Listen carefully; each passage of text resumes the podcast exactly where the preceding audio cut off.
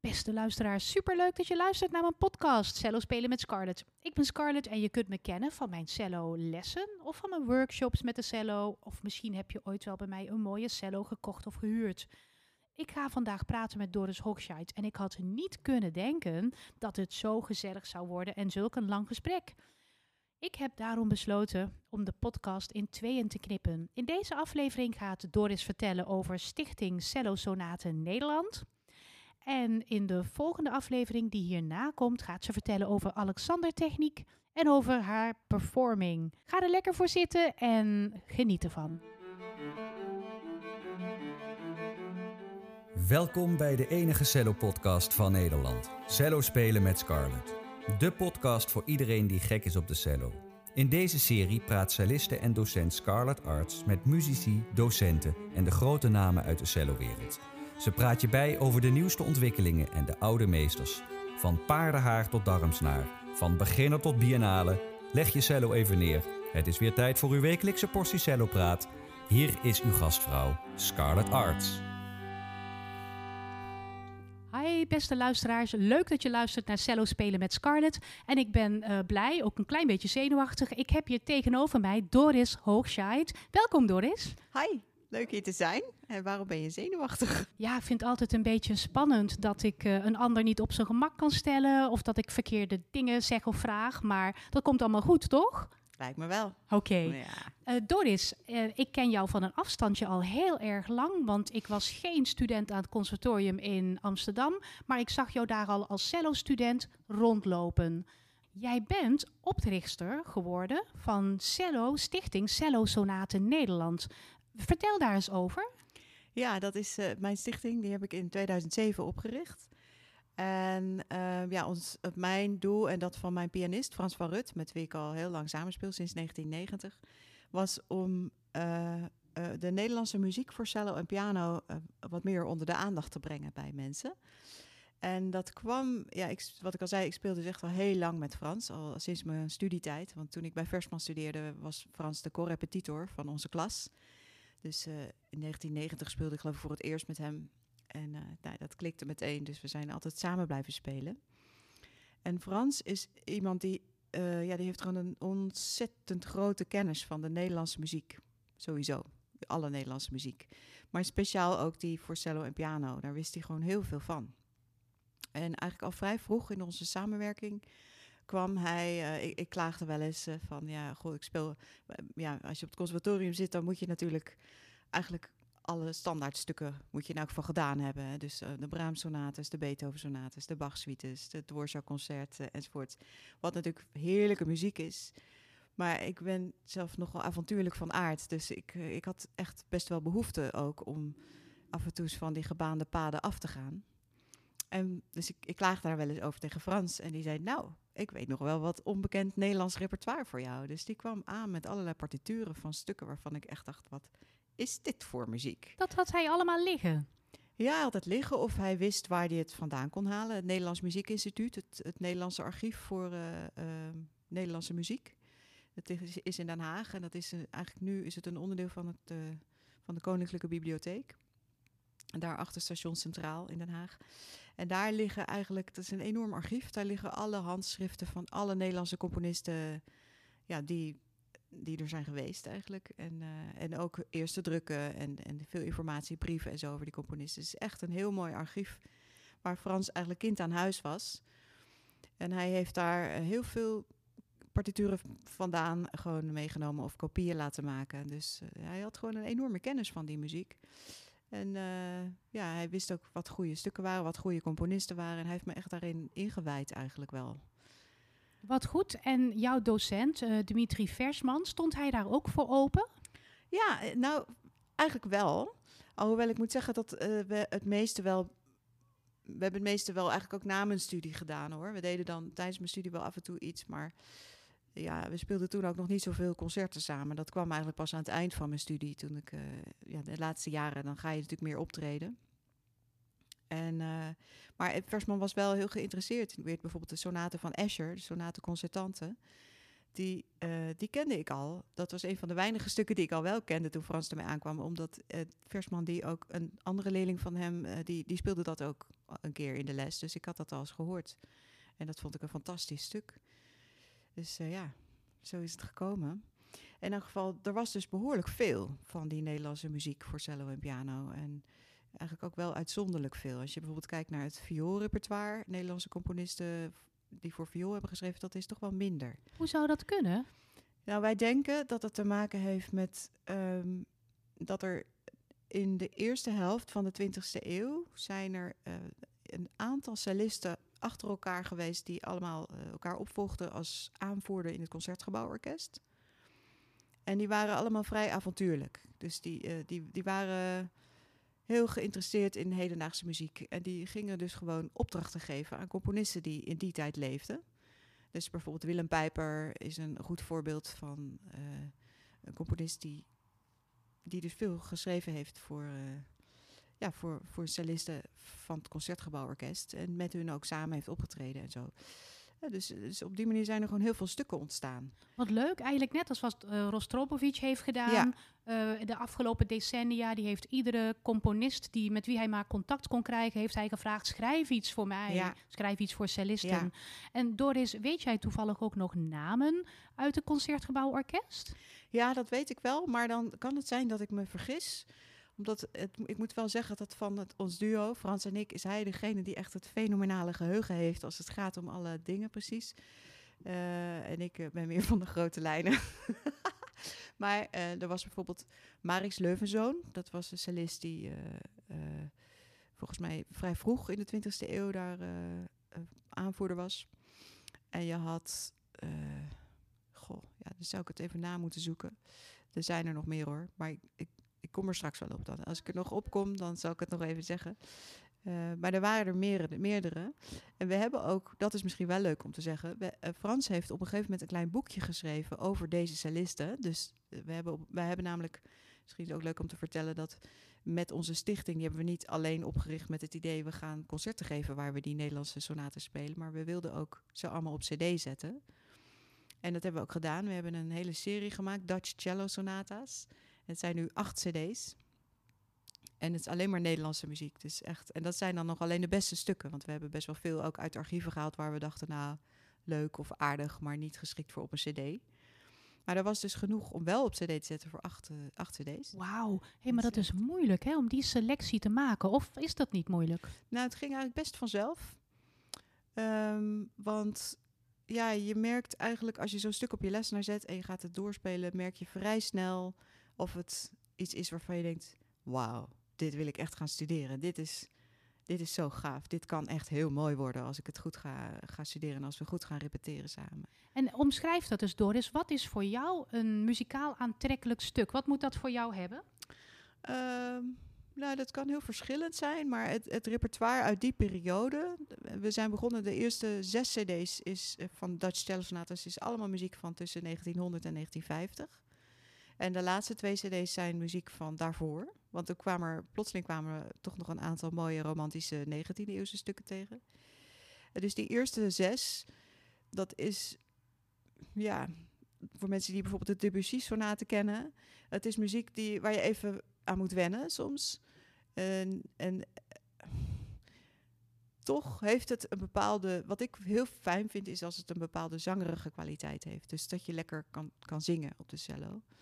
Of, wat ik ook heel leuk vind, is als het ritmisch heel spannend is. Dus als het uh, ja, iets opwindends heeft in zijn ritme. Of, uh, en verder, ja, ik, wat ik ook echt heel erg leuk vind, en dat geldt grappig genoeg voor bijna alle stukken die we dus ook hebben opgenomen. Ik denk dat dat misschien ook in het Nederlandse componeren van die tijd al ingebakken zat. Is dat het goede duo-stukken zijn. Dus dat je ook uh, met z'n tweeën daar een kluif aan hebt. Om dat samen uh, tot een eenheid te smeden. En elkaars partij zo goed te kennen dat je, dat je het geheel gaat begrijpen.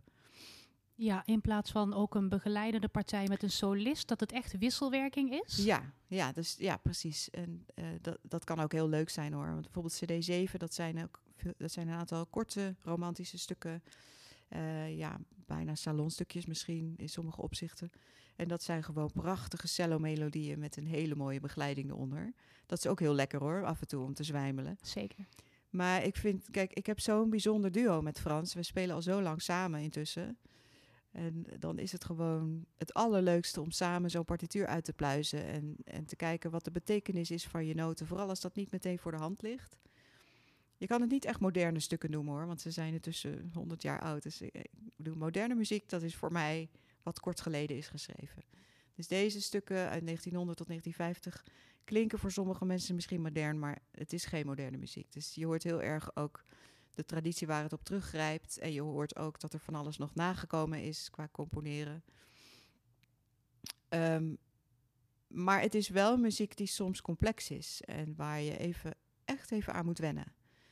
En dat, ja, dat vind ik een uitdaging. En vooral als je dat dan doet een tijdje, je gaat er steeds opnieuw aan werken samen.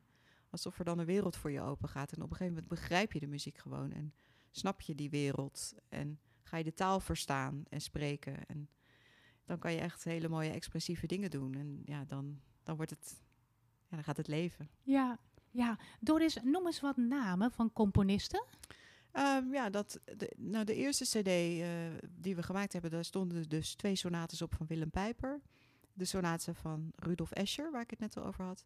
En één sonate van Luctor Ponce. Dat was ook een hele interessante componist die een groot deel van zijn leven in Zwitserland heeft gewoond. En daardoor kenden mensen hem uh, niet echt goed. Um, en de tweede cd die we hebben opgenomen is muziek van uh, Julius Röntgen. Ja, dat is misschien weer wat bekender voor mensen. Dat was natuurlijk een componist die in een wat romantischer idioom schreef. Uh, maar het was ook een 20e eeuwer. Uh, iemand die dus uh, Casals kende. En, oh ja, ja, persoonlijk Casals kende? Ja, was bevriend met Casals. Oh, maar ja. zou dat de reden zijn geweest? Dat moet haast wel, dat hij dat stuk is gaan schrijven? Ja, dat stuk. Röntgen was sowieso iemand die die schreef maar door. Het was iemand die, die, die schreef gewoon ook heel snel. Dus dan had hij, hij, hij had bijvoorbeeld, dan, dan kwam Casals op bezoek en dan dacht hij, oh, volgende week komt mijn vriend Pablo. Ik ga eens even een sonatetje voor hem schrijven. Ah, en dat deed echt? hij dan in twee avondjes. Ja. En dat speelden ze dan gewoon dezelfde avond dat Casals aankwam, speelden ze dat onder het genot van een flesje wijn door.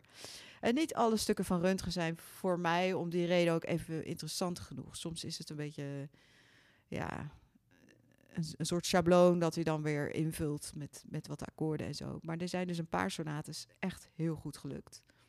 En niet eens alle daarvan hebben we opgenomen, want we wilden maar één cd aan hem wijden. Want ja, in zo'n serie moet je natuurlijk... Je, ga, je gaat niet het verzameld werk van één componist doen in een serie... Uh, waarin je zoveel meer ook nog wilt laten zien.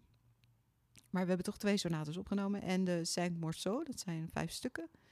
Vijf korte stukken. En daarvan zijn er uh, drie geïnspireerd op The Tempest van Shakespeare. Dus personages daaruit worden afgebeeld in die stukjes. Een hele leuke. En dan op de derde CD staat muziek van Matthijs Vermeulen en uh, Jan Ingenhoven. Dat is, Matthijs Vermeulen is een van de allergrootste Nederlandse componisten ooit. Maar dat is nou een typisch voorbeeld van muziek die mensen lastig vinden om naar te luisteren. Maar wanneer leefde hij, Doris? Weet je dat ongeveer? Uh, ja, hij leefde ook in de eerste helft 20e eeuw. En tot, uh, ik weet even niet uit mijn hoofd wanneer hij is overleden, maar volgens mij, ja, rond de Tweede Wereldoorlog, zo.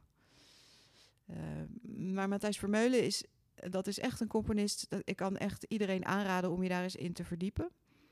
En om als je het hoort en te denkt, wauw, wat een kakofonie. Want zo klinkt het als je zijn muziek hoort voor het eerst. Als je gaat googlen zie je bijvoorbeeld symfonieën van hem ook staan uh, op internet. En het is gewoon veel door elkaar heen. Dat was namelijk ook een van zijn... Mm, hoe moet je dat zeggen? Het was een beetje zijn filosofie. Een van zijn belangrijkste elementen van zijn componeren was uh, dat de melodie uh, is, ja, de, dat hoe moet ik dat zeggen? Hij had het altijd over een soort, een soort democratie, waarin alle stemmen um, een, een recht van bestaan hebben. Dus het idee dat je dan één stem er, eruit laat komen en de rest is begeleiding, dat, dat, dat vond hij, daar was hij het gewoon niet mee eens. Hij zocht echt naar een manier om, ja, je weet misschien wel polyfonie natuurlijk. En hij had voor zichzelf had hij uitgevonden polymelodie. Dus, dus in plaats van polyfoon heb je polymelodisch. Dat gaat nog een stap verder. Dus daar heb je ook meerdere stemmen, maar die, dat zijn dan allemaal melodieën ook. Dus ze zijn echt onafhankelijk van elkaar. Ik zou het moeten horen om het, om het te kunnen plaatsen. Voor, voor de luisteraars, polyfonie, dat is een meerstemmig stuk waarbij het, wat jij al zegt, waarbij alle stemmen gelijkwaardig zijn. Neem bijvoorbeeld uh, Bach, uh, Inventionen, Fugas enzovoort, waarbij je, dat zijn heel veel polyfone werken. Ja. En nou polyfone melodieën, melodische stukken. Ja, dus een, een, een fuga van Bach bijvoorbeeld, dat is een bekend voorbeeld van polyfonie. Dan heb je dus een thema. En het komt bijvoorbeeld eerst uh, in de rechterhand van de piano en daarna komt het in de linkerhand van de piano hetzelfde thema. Dus als de rechterhand klaar is, gaat de rechterhand eigenlijk door met een, met een nieuw thema en de linkerhand speelt dan het eerste thema. Dus, en zo wordt het eigenlijk opgebouwd en soms wel met vier verschillende stemmen door elkaar heen. En wat Vermeulen deed, was dat hij ook verschillende stemmen had, maar die waren allemaal uniek. Dus in plaats dat eerst de rechterhand een melodie speelt en dan de linkerhand diezelfde nog een keer, deed hij ook, dat deed hij ook wel, maar hij deed ook soms dat, dat ze allemaal tegelijk begonnen en iedereen deed wat anders. Ja, jij kijkt nu zoals de meeste mensen denk ik zo van, hmm, dat wordt waarschijnlijk wel een beetje druk om naar te luisteren. Dat klopt. Um, maar ik, kijk, die man was natuurlijk geniaal. Dus hij hoorde dat allemaal tegelijk. En hij, uh, voor hem was dat een soort wereld waarin er gewoon... In het noorden was die iets aan het doen. En in het oosten die. En in het zuiden die. En in het westen die. En hij stond in het midden. En het kwam allemaal tot hem. Dat, zo kon hij dat in zijn hoofd horen, denk ik. En voor ons is natuurlijk... Ja, wij, wij horen het als een geheel. En dan snappen we het niet. Dus ik raad mensen aan om dan één melodie te kiezen als je naar een symfonie luistert, luister maar gewoon. Als je een blazer en fluit heel mooie melodie hoort doen, blijf die gewoon een tijdje volgen. En kijk hoe de rest daar uh, ja, zich bijvoegt. En, en hoe bijvoorbeeld een ander instrument in een heel andere atmosfeer tegelijk iets aan het doen is. En hoe dat elkaar beïnvloedt.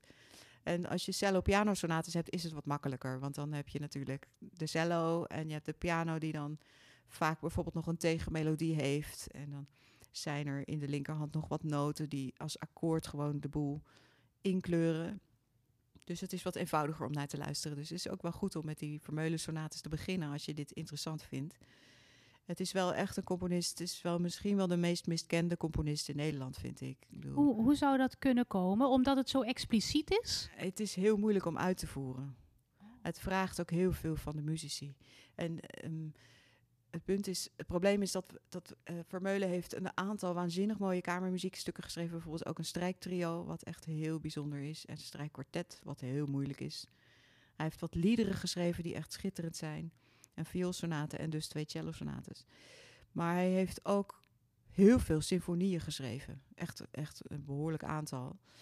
En het punt is dat je met, met orkesten, als je dit gaat doen en echt iedereen speelt wat anders, dan mensen worden er gewoon gek van. En de meeste orkesten hebben ook niet de tijd om dan twee of drie weken te gaan repeteren op zoiets. Wat je eigenlijk zou moeten doen om het echt mooi te krijgen. Zodat alle melodieën hun eigen karakter hebben en iedereen precies de goede dynamiek doet. Zodat de balans die in de partituur is gecomponeerd goed is. Dat niet alles te hard klinkt wat eigenlijk zachter zou moeten enzovoorts. Dus ja, ik denk dat hij op heel veel tegenstand heeft, is gestuurd gewoon bij de uitvoerende. En dat, dat is zijn pech. Maar ik hoop dat het ooit nog goed komt. Dat de mensen geïnteresseerd raken en denken, hé, hey, je zit toch wat in. Ja, ik, ik ga proberen om aan het eind van dit interview ook een fragment van hem te laten horen door jou en Frans uitgevoerd, zodat mensen daar een goed beeld bij krijgen. Nog heel eventjes um, als een soort van cliffhanger, is het tonale muziek of atonale muziek? Um, ja, je kan het eigenlijk in geen van twee categorieën echt plaatsen. Uh, soms als ik die melodie aan het studeren ben, dan denk ik, ja, dit is gewoon tonaal. Maar doordat de piano dan heel iets anders speelt dan je zou denken, klinkt het dan toch atonaal. Snap je? Dus Ja. het, het heeft niet echt een toonsoort van C groot of zo. Maar tegelijkertijd zijn er ook wel momenten, zeker in de eerste sonaten van Vermeulen, waar je, ja, waar je toch wel echt in een toonsoort zit hoor. Het, duurt alleen nooit zo lang. Ja, ja. Ik, je maakt mensen heel erg nieuwsgierig, mij ook. Nou, dat is mooi. Eh, je was een, eh, zo'n beetje door je cd's aan het gaan. Ja, dit was CD3, dus er zijn er nog veel meer.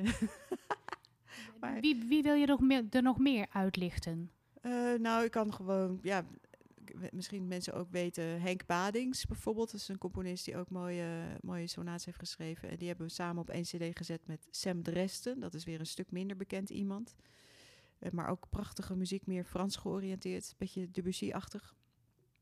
Ehm, ja, er zijn, ja, er zijn gewoon nog veel meer namen. Maar mensen kunnen ook even op onze website kijken als ze dat willen. En daar staan ze gewoon allemaal. We hebben sowieso op onze website, dat was een van onze projecten naast dit CD-project. We hebben ook een catalogus gemaakt online van alle Nederlandse componisten die iets voor cello hebben geschreven, voor zover wij konden vinden. En die hebben allemaal hun eigen kleine stukje met een foto als we die konden vinden. En een beschrijving van de stukken die er zijn en waar je die kan vinden. Eh, dus eh, voor mensen die eh, dat leuk vinden, daar kan je ook echt een beetje in rondkijken. en hoe heet jullie website? www.cellosonaten.nl cellosonaten.nl. Ehm Doris, wil je nog eens iets vertellen over het, het... Waarom hebben jullie het een